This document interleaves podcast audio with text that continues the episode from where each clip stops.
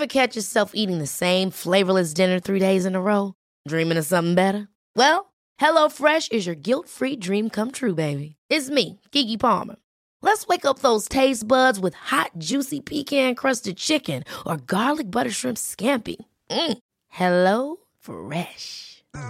Stop dreaming of all the delicious possibilities and dig in at HelloFresh.com. Let's get this dinner party started.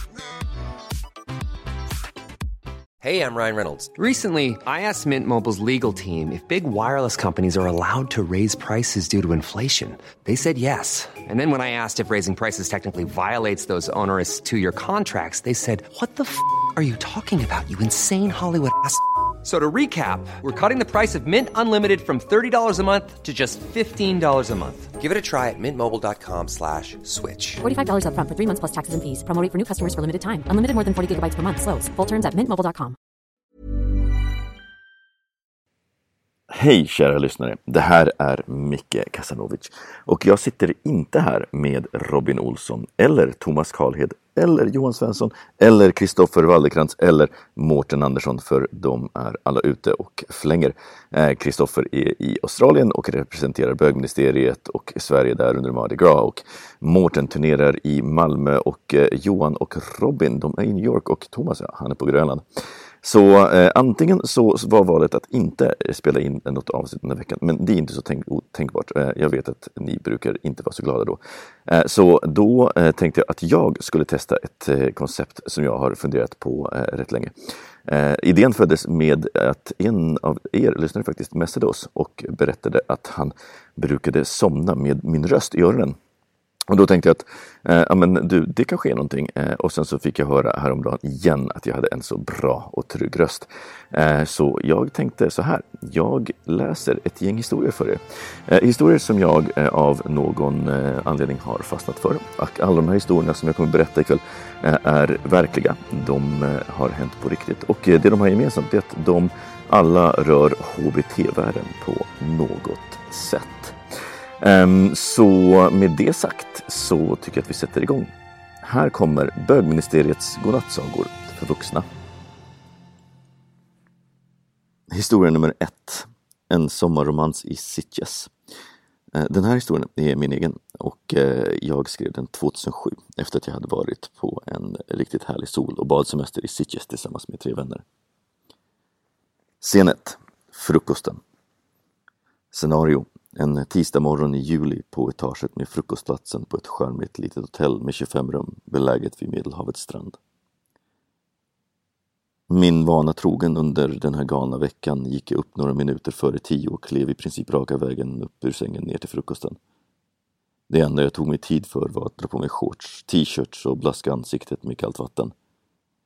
Hotellet vi bor på är litet med föga mer än en kontinental frukost vid tolv bord som är små även med spanjorers mått mätt. Jag räknade med att vara ensam där.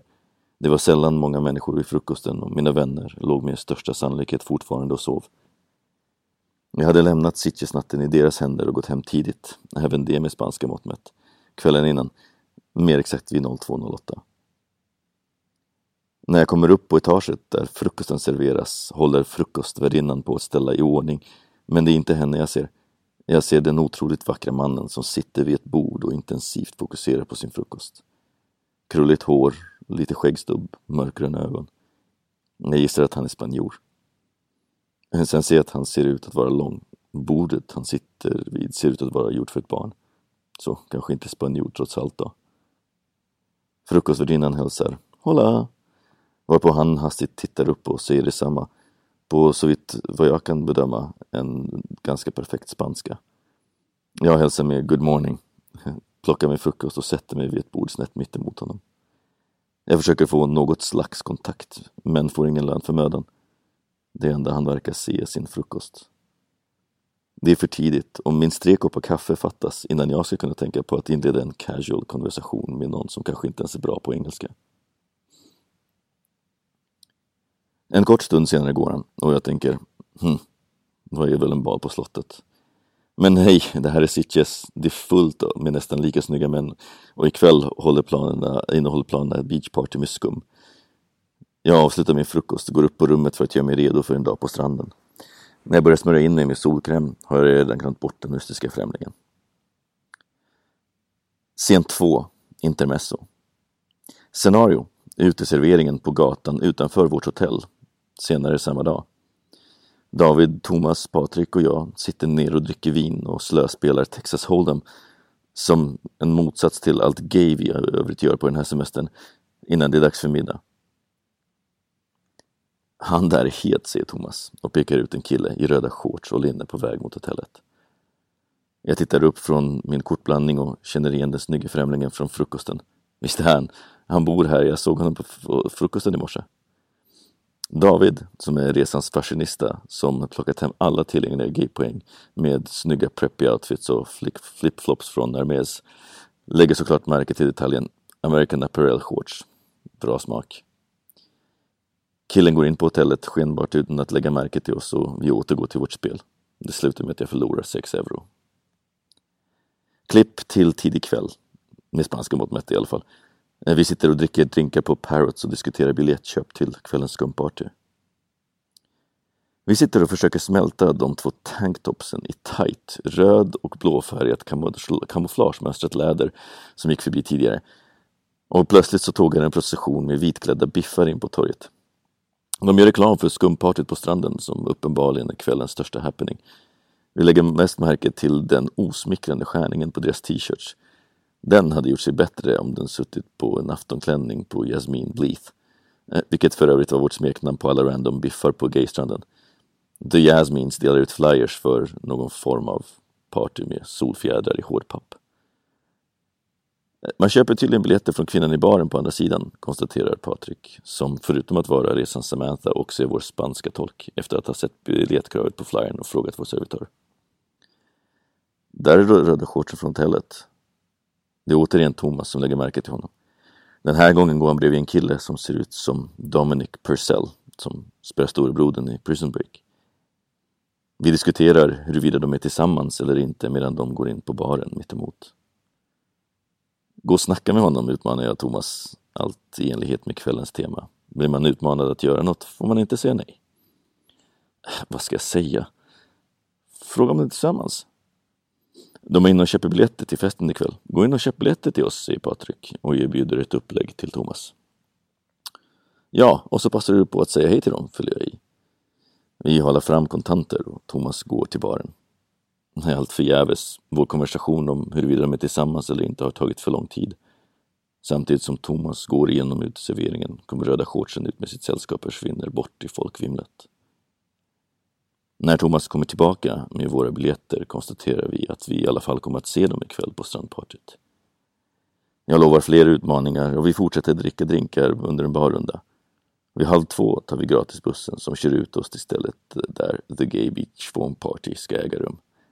Den taklösa lokalen ser ut som ett rymdskepp från Star Wars som stagit av taket och ordnat för fest. Stämningen är förväntansfull. Det kommer att bli legend... Wait for it! Scen 3. Den andra mannen. Scenario. Strax efter 02.00 på en utomhusklubb som ser ut som ett rymdskepp som landat på stranden och cabbat ner taket. Partyt har precis dragit igång och känslan av förväntan är nästan påtaglig. Housemusiken är hög och dränker ljudet från vågorna som slår mot stenstranden. Om några timmar kommer crescendot, skumpartyt. Det här stället är välplanerat. Tillräckligt långt bort från boende för att housemusiken som dånar ut från högtalarna inte ska störa någon som försöker sova. Tillräckligt nära för att det ska fungera att gå hem. Discoljusen är inklädda plastskupor och liknar Star Wars-droider som vänds upp och ner och hängts från ställningarna som omger dansgolvet. Okej, okay, utmaning. Där borta står ett tomt podium. Upp och dansa där resten av den låten. David pekar ner mot dansgolvet som är beläget i en stor torrlagd swimmingpool. Egentligen är det alldeles för lätt utmaning men jag har aldrig tidigare dansat på ett podium iklädd endast shorts så jag hoppar upp. När jag kommer tillbaka har röda shortsen och hans sällskap dykt upp. De står med ryggen mot havet och tittar ut över dansgolvet småpratandes. Utmaning, gå och prata med dem, säger jag till Thomas och Patrik. Och återigen dyker diskussionen upp om att de förmodligen är tillsammans, vilket får mig att tappa tålamodet. Utan att vänta på avslutet av diskussionen vänder jag mig om och går mot de röda shortsen. Hey guys, we're staying at the same hotel. I saw you at breakfast this morning, säger jag. Röda shortsen ler och nickar. Vi presenterar oss. Röda shortsen heter egentligen Arnaud och hans sällskap Pascal. Jag orkar inte smyga som katten kring het gröt utan går rakt på sak. Are you guys dating? Um, no, we're, we're brothers. Half, half brothers actually. Vi småpratar lite. En festfotograf kommer fram till oss och frågar om han får ta ett foto på oss tre. Jag kollar frågande på killarna, som bägge två skakar på huvudet. Fotografen försöker övertala oss. I'm an official photographer guys, säger han och visar ett inplastat kort som hänger runt halsen på honom. You guys are really good looking. Smickret går inte hem och fotografen går vidare. Pascal förklarar att Arnaud inte gillar att ställa upp på bilder så här. När jag frågar varför visar det sig att han är skådespelare i Frankrike. Lite småprat senare berättar Pascal att Arnaud hade nämnt att han såg en snygg kille vid frukosten. Han frågar vilket rumsnummer jag har och jag får deras utbyte. I'm going to check in on my friends, I'll see you later, säger jag till dem och vi skiljs åt. Upprymd, glad och självförtroende bostad till bristningsgränsen återvänder jag för att kolla om de andra tre musketörerna är kvar på samma ställe. De är det perfekta resesällskapet. Ingen är obekväm med att underhålla sig själv. Under kvällarna har vi flutit med att hänga och skiljas åt och sen hänga igen. Det är befriande att vara ensam i en gemenskap. Framåt fyra tiden är det fortfarande beckmörkt, varmt och intensivt. Folk dansar, pratar, flörtar.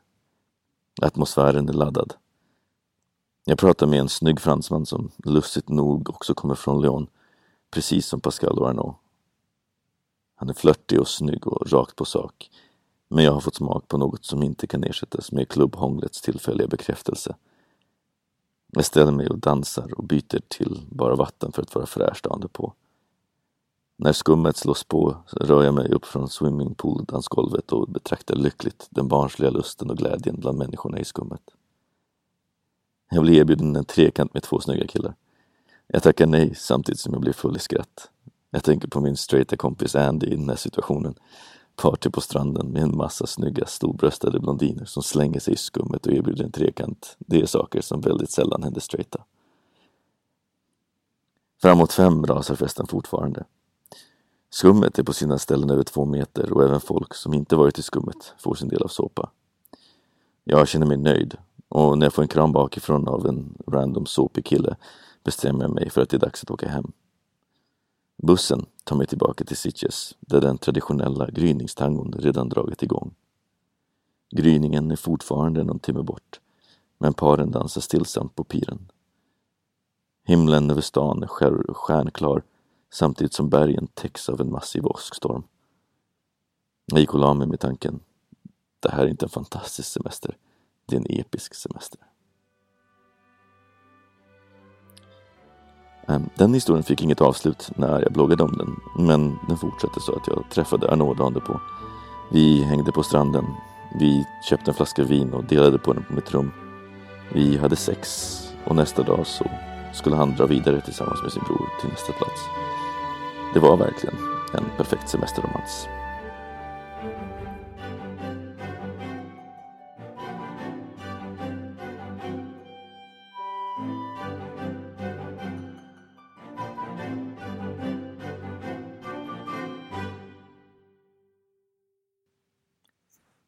Historia nummer två kommer från USA där en tjej berättar om när två killar kom in och handlade i hennes butik. Den heter Dear Customer Who Stood Up For His Little Brother. Du trodde att jag inte såg. Det gjorde jag. Jag ville ge dig en high five. Igår var ett par bröder inne i min butik. En var kanske mellan 15 och 17.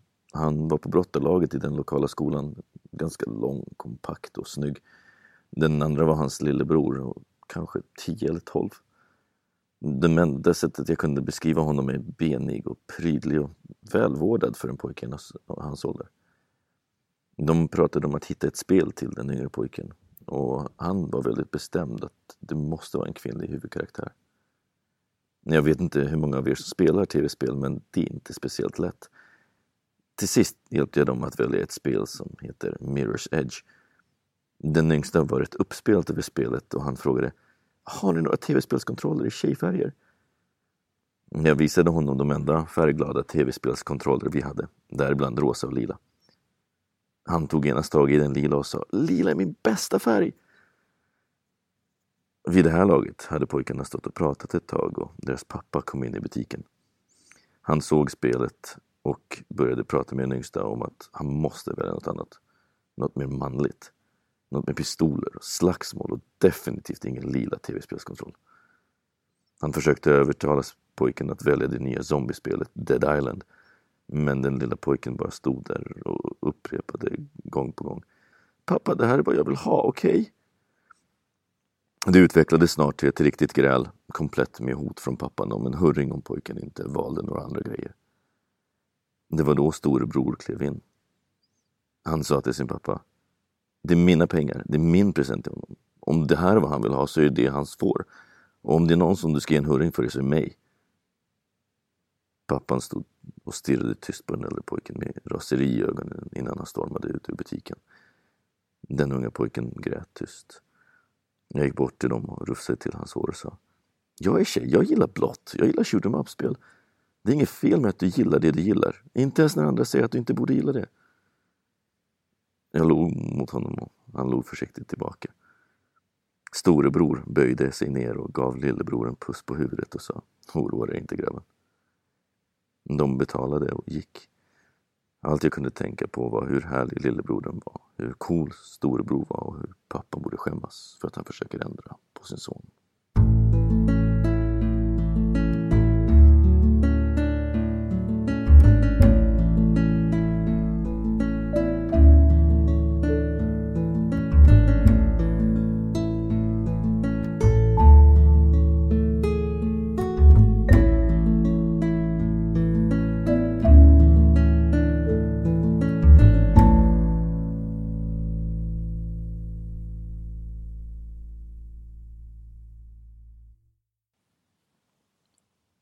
Historia nummer tre skrevs på Reddit. Den eh, skrevs av en anonym person som kallade den för Bro Down. Jag älskade en grabb som hette Dylan och han dog igår. Han drunknade. Jag älskade honom mer än jag någonsin trodde att jag kunde älska någon. Jag hade inte ens känt honom speciellt länge. Jag mötte honom i år på Scruff och han var inte direkt min typ faktiskt. Normalt gillar jag långa och stora killar, men Dylan var 170 centimeter lång och smal. Det klickade mellan oss på ett mentalt plan när vi satt och drack öl och när han rörde mig var det elektriskt. Alltid elektriskt. Vi var bägge rädda för att säga jag älskar dig för att det var för tidigt. Sen sa vi det 20 gånger om dagen och det kändes inte tillräckligt. Inom en vecka från det att vi hade träffats spenderade vi varje dag ihop. Snart hade jag en massa kläder i garderoben i hans lägenhet nära universitetet. Vi kunde ligga på hans bäddsoffa och dricka öl, spela tv-spel och kolla på tv sådär som bara två grabbar kan. Och åtminstone tills vi hade sönder bäddsoffan med det bästa sex jag någonsin haft. Tre gånger om dagen. Han älskade att känna min vikt ovanpå honom. Han älskade min doft. Jag älskade hur hans hår kändes. Jag älskade hans cykel och löptränade ben. De var inte spinkiga. Och jag skulle lära honom att bygga. Han ville bli stor så där som jag gillade. Jag ville bara ha honom. Han var ambulanssjukvårdare. Men han var redo att plugga vidare och kanske bli läkare. Han behövde hjälp med kemi och matte, vilket jag gladeligen gav. Det var ämnena jag var bäst på. Hans var språk. Han lärde mig franska medan jag lärde honom att programmera. Dylan klättrade i träd så fort det blev det minsta tråkigt. Han sprang alltid före och väntade på att jag kom ikapp, för han gillade när det gick fort. Han var mer full av liv och glädje än någon annan jag dittills känt. Han var fånig, lätt att distrahera, energisk och tillgiven. På många sätt som en hundvalp som var rumsren. Fast vilade bägge två att kissa i handfatet. Dylan var anledningen till att jag kom ut för min pappa. Jag hade alltid tänkt att jag berättar när jag hittar något verkligt, någon som jag kan ta hem med till familjen. Och Dylan var den personen. Min familj älskade honom från första början.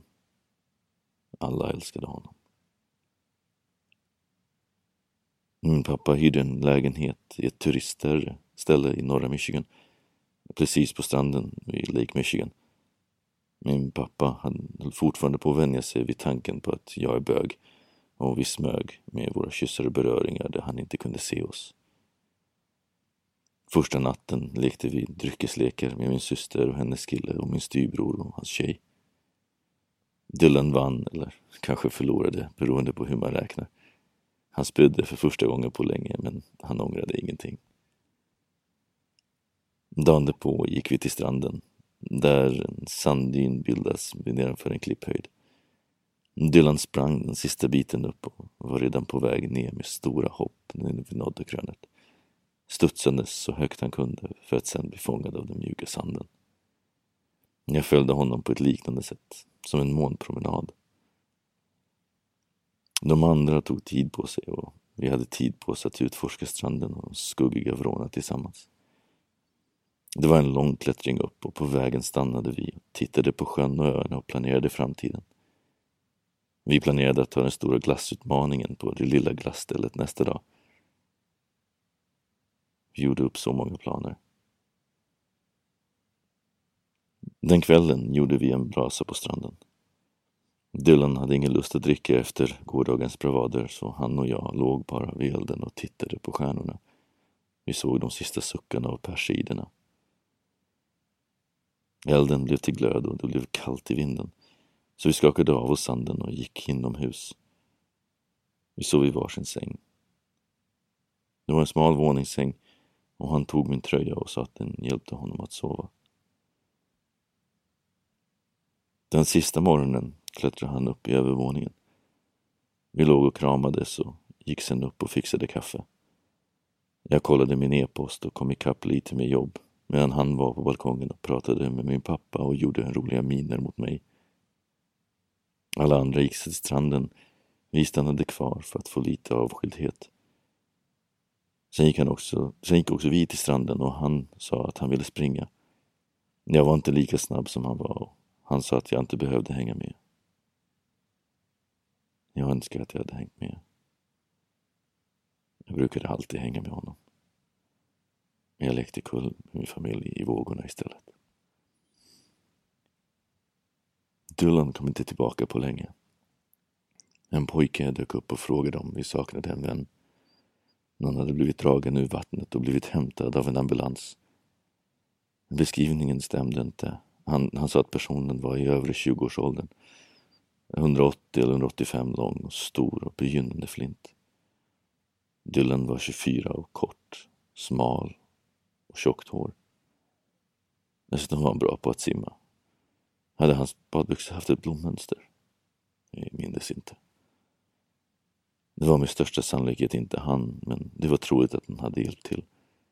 Han var ju ambulanssjukvårdare och han hjälpte alltid till. Vi hittade stället där personen blivit uppdragen från vattnet. Människorna som hade sett honom sa att han hade hostat och flämtat och försökt att andas när de tog honom till sjukhuset i grannorten. Stället var nära asken av vår brasa. Nära en sjunken dyn av grus som glaciärer släpat dit. Min syster, hennes kille och jag visste inte mer vad vi skulle leta efter honom. Men vi trodde att han hade följt med i ambulansen. De kunde haft kort om personal så här i semestertider. Vi körde till sjukhuset, men ingen Dylan hade blivit intagen på akuten och inte heller någon okänd. Det hade inte ens kommit in någon ambulans med akutfall nyligen. Vi satt i väntrummet och till slut hittade ett sheriffbiträde mig. Han hade en socialarbetare med sig. Det fanns en kropp som behövde identifieras. Jag trodde fortfarande att Dylan hängde runt ambulansen. Kanske fixade han mer passande kläder.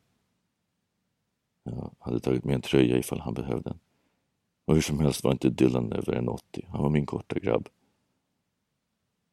Jag skakade medan sheriffbiträdet ledde mig mot bårhuset. Beskrivningen stämde inte.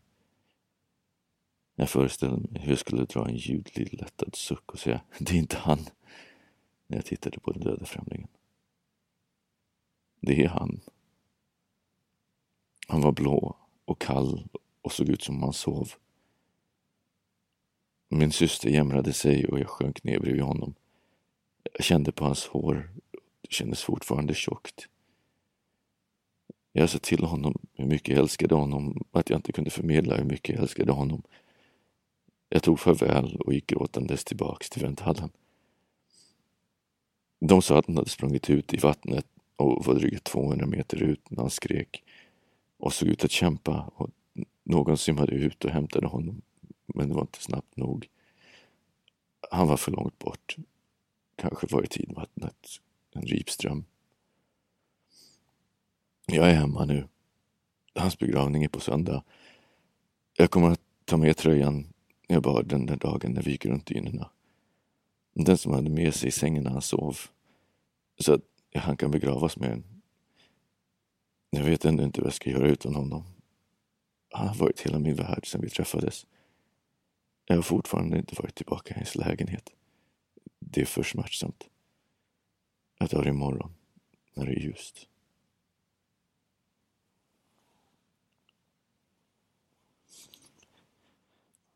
En sån här historia får ju såklart väldigt många kommentarer och alla var, var fina men det fanns en som stack ut som jag också skulle vilja läsa. Så här svarade en person. Jag är gammal. Det betyder mest att jag har överlevt hittills. Och en massa människor jag känt och älskat har det inte. Jag har förlorat vänner, bästa vänner, bekanta, arbetskamrater, far och morföräldrar, min mamma, släktingar, lärare, mentorer, studenter, grannar och många andra människor. Jag har inga barn och jag kan inte föreställa mig smärtan i att förlora ett barn. Men det här är mina två öron. Jag önskar att jag kunde säga att man vänjer sig vid att folk dör, men det gjorde aldrig jag. Jag ville inte vänja mig. Det sliter, sliter upp ett avgrundsdjupt sår i mig varje gång någon jag älskar dör, oavsett omständigheterna. Men jag vill inte att det inte ska spela någon roll. Jag vill inte att det ska vara något som bara går över. Mina ärr är bevisen på kärleken och relationen jag hade till och med den personen. Om ärret är djupt så var kärleken det också. Sånt är livet. Ärr är ett testamente om livet. Ärr är ett bevis på att jag kan älska djupt och bli sårad eller till och med sargad och på att jag kan läka ihop och fortsätta leva. Fortsätta älska.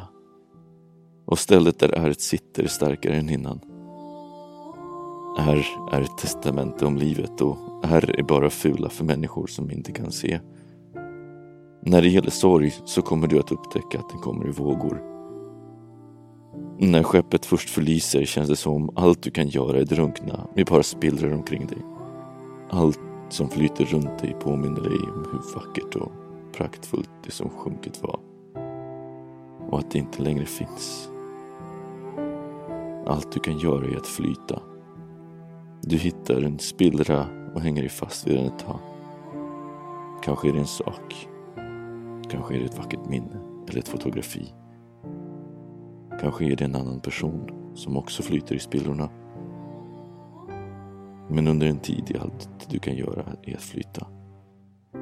Överleva. I början är vågorna av sorg hundra meter höga och slår mot dig utan uppehåll, utan nåd. De kommer med tio sekunders mellanrum och ger dig inte ens tid att hämta andan innan nästa slår dig och nästa. Och allt du kan göra är att hålla dig fast och flyta. Efter ett tag, kanske veckor, kanske månader inser du att vågorna av sorg fortfarande är hundra meter höga. Men de kommer mer sällan. Och när de kommer slår de fortfarande sönder din värld och får dig att tumla. Men mellan dem kan du andas. Fungera. Du kan aldrig vara säker på vad som kommer att utlösa sorgen. Det kan vara en sång, ett fotografi, en gatukorsning, doften av en kopp kaffe. Det kan vara vad som helst och plötsligt kommer vågorna rusande. Men mellan vågorna finns liv. Och någonstans längre fram, och det här är olika för var och en, inser du att vågorna bara är 80 meter höga. Eller 50 meter. De kommer fortfarande. Men nu kommer de allt mer sällan och du kan se dem komma. En födelsedag, en högtid, en årsdag. Eller när du landar på Arlanda. Du kan för det mesta se dem komma och du kan förbereda dig. Och när de sköljer över dig vet du att du kommer att komma upp till ytan än en gång. Blöt, flämtande och fortfarande hängandes fast vid en spillra. Lyssna på denna gamla man. Vågorna upphör aldrig och på något sätt vill du inte heller att de slutar. Du lär dig hur du ska överleva dem. Andra stormar kommer att dyka upp och du kommer att överleva dem med. Om du har tur kommer du att ha många ärr av kärlek och många sjunkna skepp.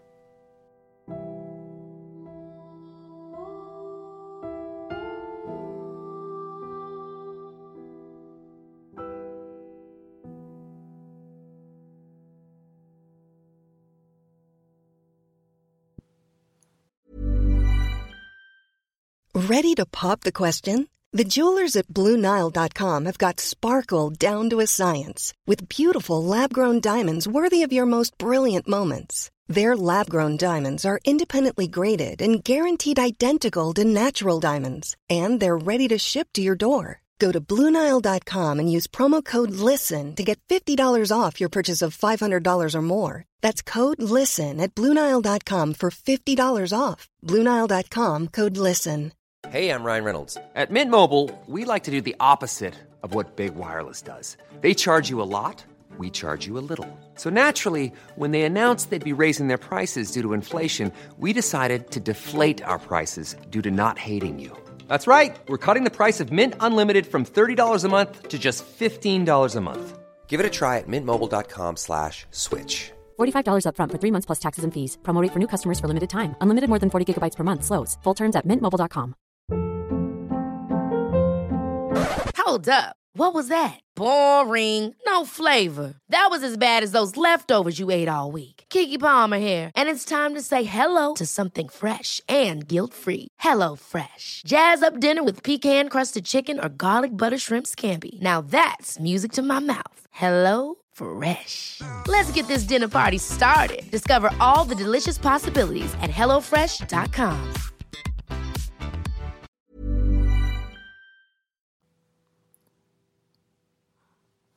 Nästa historia kommer från bloggen Letters of Note.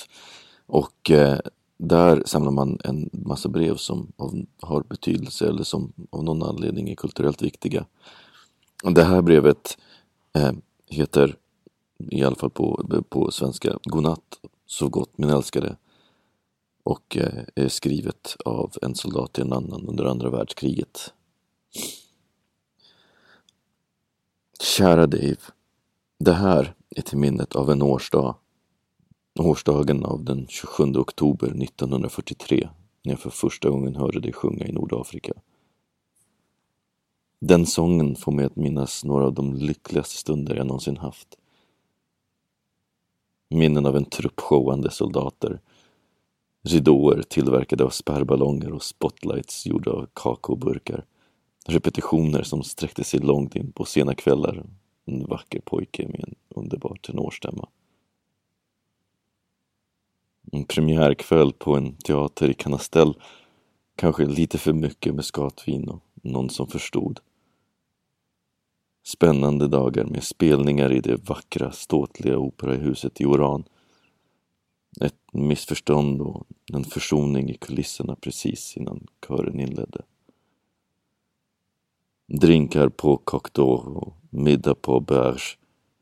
En ring, ett avgivet löfte. Showen First Armored och Muscatel, skotsk whisky och vin. Någon som var tvungen att bäras från lastbilen och hjälpt till säng i hans tält. En natt med hällande regn och två genomblöta rekryter under ett ensamt träd på en afrikansk slätt. En lånad fransk cabriolet en varm svavelkälla, det svarar Medelhavet och en picknick på ransoner och varm cola. Två löjtnanter som var smarta nog att känna till resultatet men inte smarta nog att förstå att vi ville vara ensamma. En knasig pianist. Konkurrens. Olyckliga dagar och ensamma nätter.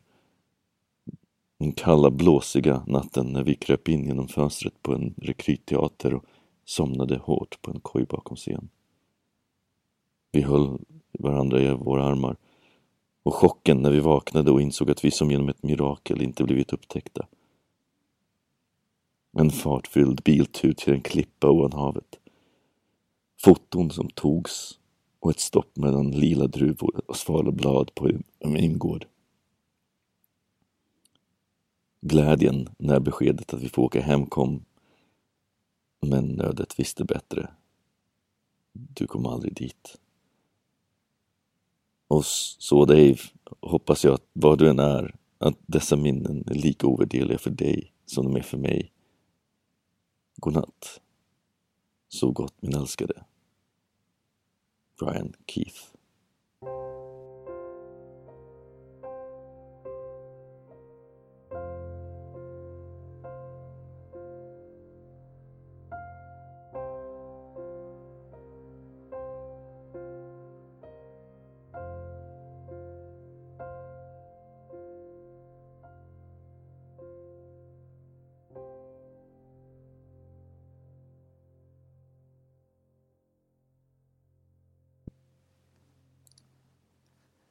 Så, den femte och sista historien tänkte jag skulle gå på en lite gladare ton.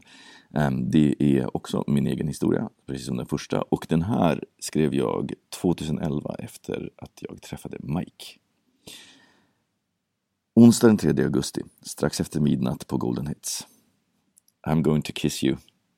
Where? Right here. Vi hade börjat prata en kvart tidigare. Han hette Mike och var på besök från USA. Jag hade lagt märke till honom tidigare på kvällen.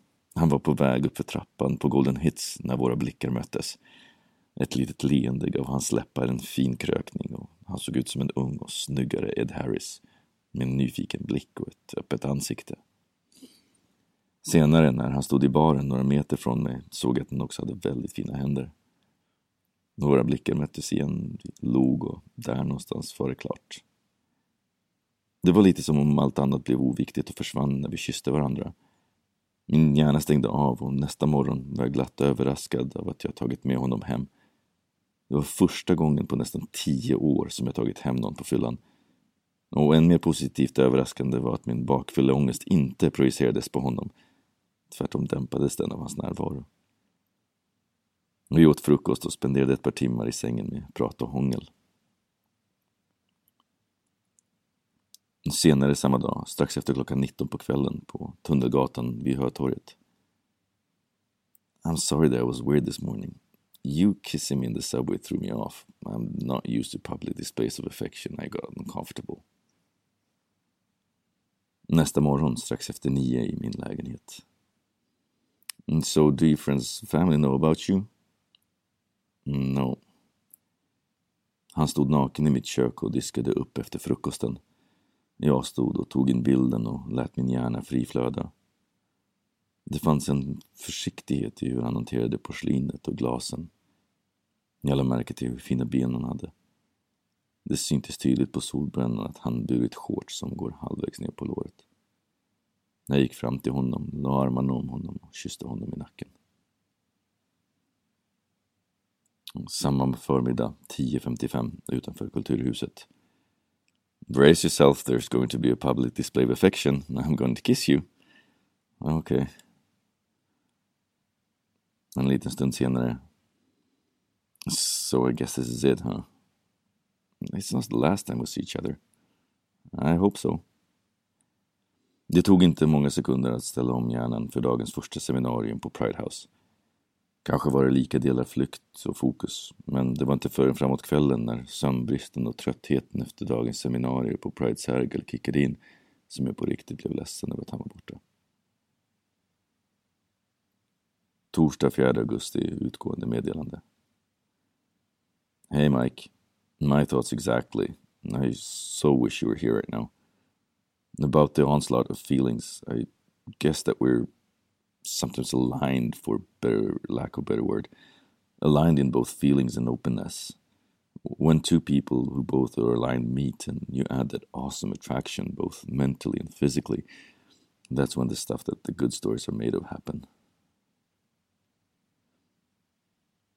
Senare samma kväll på väg till bögjävlarnas underklädesfest gick jag och tänkte på att det fanns många likheter mellan min filmliknande sommarromans med Arnaud. Men, men det fanns något annorlunda här och kanske var det att vi fick mer tid tillsammans eller kanske handlade det om att vi sågs på min hemmaplan. Eller så fanns det bara en starkare attraktion mellan mig och Mike.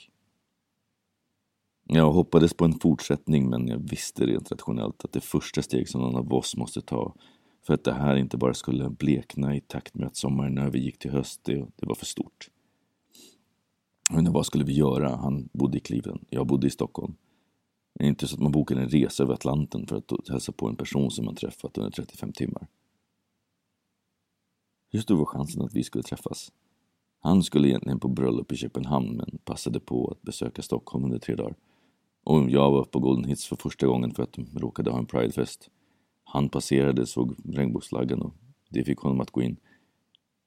Jag bestämde mig för att vara glad för det vi haft istället för att sörja att det tagit slut. Jag insåg att nyckeln till den perfekta romansen, det är serendipitet och mod. Att våga snacka med den snygga personen som man inte letade efter men råkade hitta.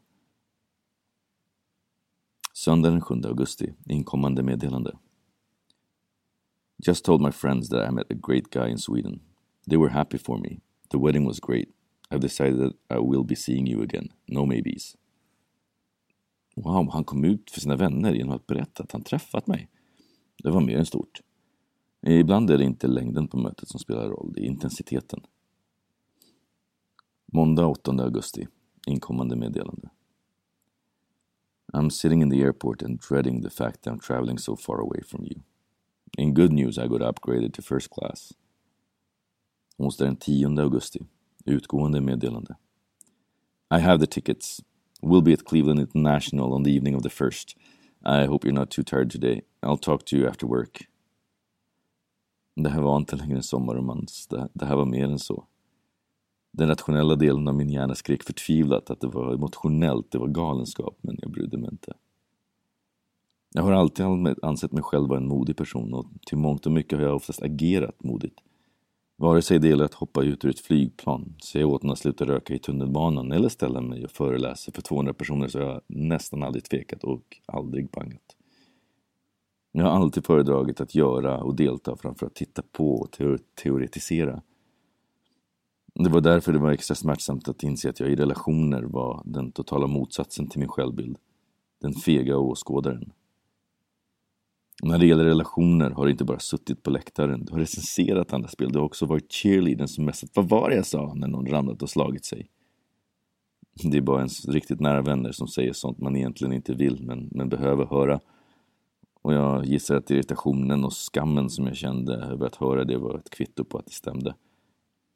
Jag insåg själv att jag använt logik och rationalisering för att kontrollera och förklara och ursäkta inför mig själv och andra att jag har andra känslor än ilska och glädje. Jag låtsades alltid vara Spock i Star Trek när jag egentligen är typen som gråter när stråkorkestern börjar spela. Och plötsligt hängde allt ihop. Jag, att jag inte gråter inför andra människor och att jag inte berättar för folk som jag älskar att jag faktiskt gör det och att jag har lättare att ha sex med människor som jag inte har emotionella band till. Oavsett vad som hände mellan mig och Mike så var det här en av de bästa sakerna jag kunde lärt mig vid 34 års ålder. Det är inte logiskt eller rationellt eller starkt att inte visa eller agera på andra känslor än ilska och glädje. Det är som att alltid gå klädd i en svart strikt Filippa K-kostym när man egentligen vill bära en knallröd t-shirt med shorts för att man är rädd för vad andra ska tänka. Jag funderar på varför det är så lätt att bejaka mina känslor för Mike. En anledning är för att det inte finns något som helst dömande mellan oss. En annan är att språket skapar en distans, ett slags krockkudde som gör det lättare att hantera. Och en tredje handlar om vad vi varit och var vi befinner oss just nu. Det är som om våra erfarenheter och vår bakgrund skapat ojämnheter i oss som den andra fyller ut på precis rätt ställen. Den lilla cheerleadern i mig hade motvilligt accepterat att jag gett mig ut på spelplanen. Men efter två veckor ändrade min status på Facebook till i ett förhållande, freakade han ur. Vad i helvete är det? Ett 14-årigt emo eller? Vad fan ska alla tänk andra tänka? Du är inte rationell, du är helt jävla galen. Som alltid var jag själv min hårdaste domare. Men jag var ute på spelplanen och det kändes alldeles för härligt för att klättra tillbaka upp på läktaren igen. Och såklart finns det massor av människor som satt där, eller sitter där och recenserar mig. Och dömer mig. Och väntar på chansen att säga vad jag sa. Det gör mig inget. Antingen sitter de där kvar och tittar på livet istället för att leva det. Eller så kommer de förr eller senare ge sig ut och spela. Och då kommer de att förstå.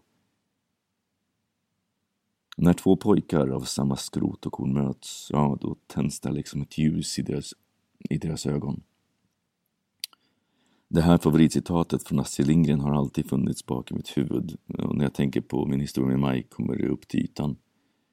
Men det är ett långt, långt mellan att fatta tycke för varandra, från att fatta tycke till varandra till att älska. Framförallt om man dessutom har ett fysiskt avstånd. 6651 kilometer och 6 timmars skillnad mellan Stockholm och Cleveland. Och det var inte en uttalad strategi till en början att betrakta avståndet som en vän istället för som en fiende. Men vi kommunicerade. Text saknar en massa dimensioner, men vi skickade ändå över 150 000 tecken till varandra. Telefonkommunikationen blev lite halt av tidsskillnaden, men vi spenderade ändå över 10 timmar i telefon. Youtube saknar gensvar i realtid, men vi skickade ändå över nio timmars videomaterial till varandra. Och varje meddelande mellan mig och Mike var som ett steg som minskade avståndet. Vi pratade om känslor, om rädslor och förväntningar och ibland om lolcats. Tre veckor senare, i Cleveland. Jag funkar inte i långdistansrelationer på lång sikt. Jag misstänkte det redan i början och varje dag som jag spenderar här i Cleveland får jag kvitton på att det viktiga för mig i en relation är vardagen ihop. Som att åka och handla ingredienser till en söndagsmiddag med vännerna. Sen göra ett långkok för att fixa carnitas eller att vakna upp tillsammans och ligga och dra sig en stund och känna hans varma, mjuka hud mot min några dyrbara minuter innan det är dags att gå upp.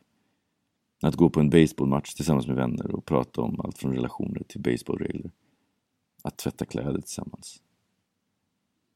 Och vännerna är ju såklart jätteviktiga. Jag vet att Mike kommer att gå väl ihop med mina vänner. Jag var lite nervös för hur han skulle förhålla sig. Det är en omställning att han inte bara kommer ut utan också presenterar personen som är hans pojkvän, mig, inom loppet av några veckor.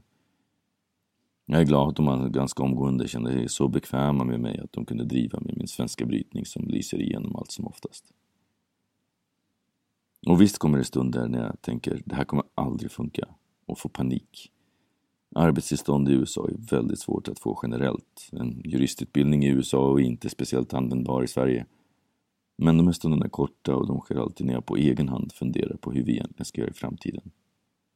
De första dagarna hade vi en regel om att inte diskutera framtiden utan bara vara.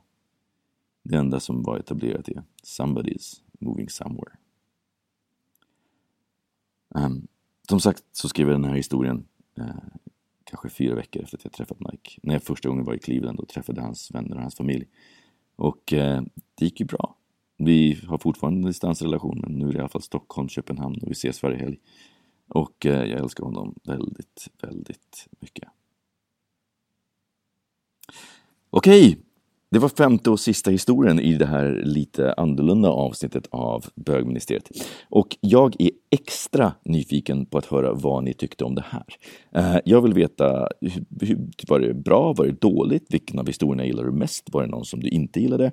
Ehm, vill du att eh, vi gör det här igen eller att jag gör det här igen? Eh, jag funderar på antingen en spin-off podcast eller så kan jag kidnappa bögministeriet ett par gånger till. Eh, men låt mig veta. Du kan mejla in på hejbogministeriet.se. Du kan också mejla till mig eller kontakta mig på Twitter eller någonting. Du hittar mig lättast genom att googla mig Micke Kasanovic. Det spelar ingen roll hur du stavar mitt efternamn för att Google kommer att rätta dig. Eh, och eh, du kan såklart följa bögministeriet på Instagram, bogministeriet, Twitter, bogministeriet, Facebook, bögministeriet och sen så ska du såklart rata oss på iTunes så att andra också hittar till oss. Jag vill också passa på att tacka Kevin MacLeod. Det är Kevin som har komponerat all musik som du har hört i den här podden.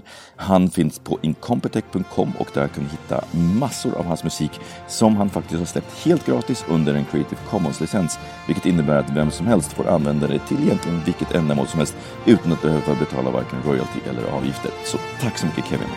Hörni, nästa vecka då är bögmuseet tillbaka, då med the usual suspects. Tills dess, ha det så bra, vi hörs, hejdå!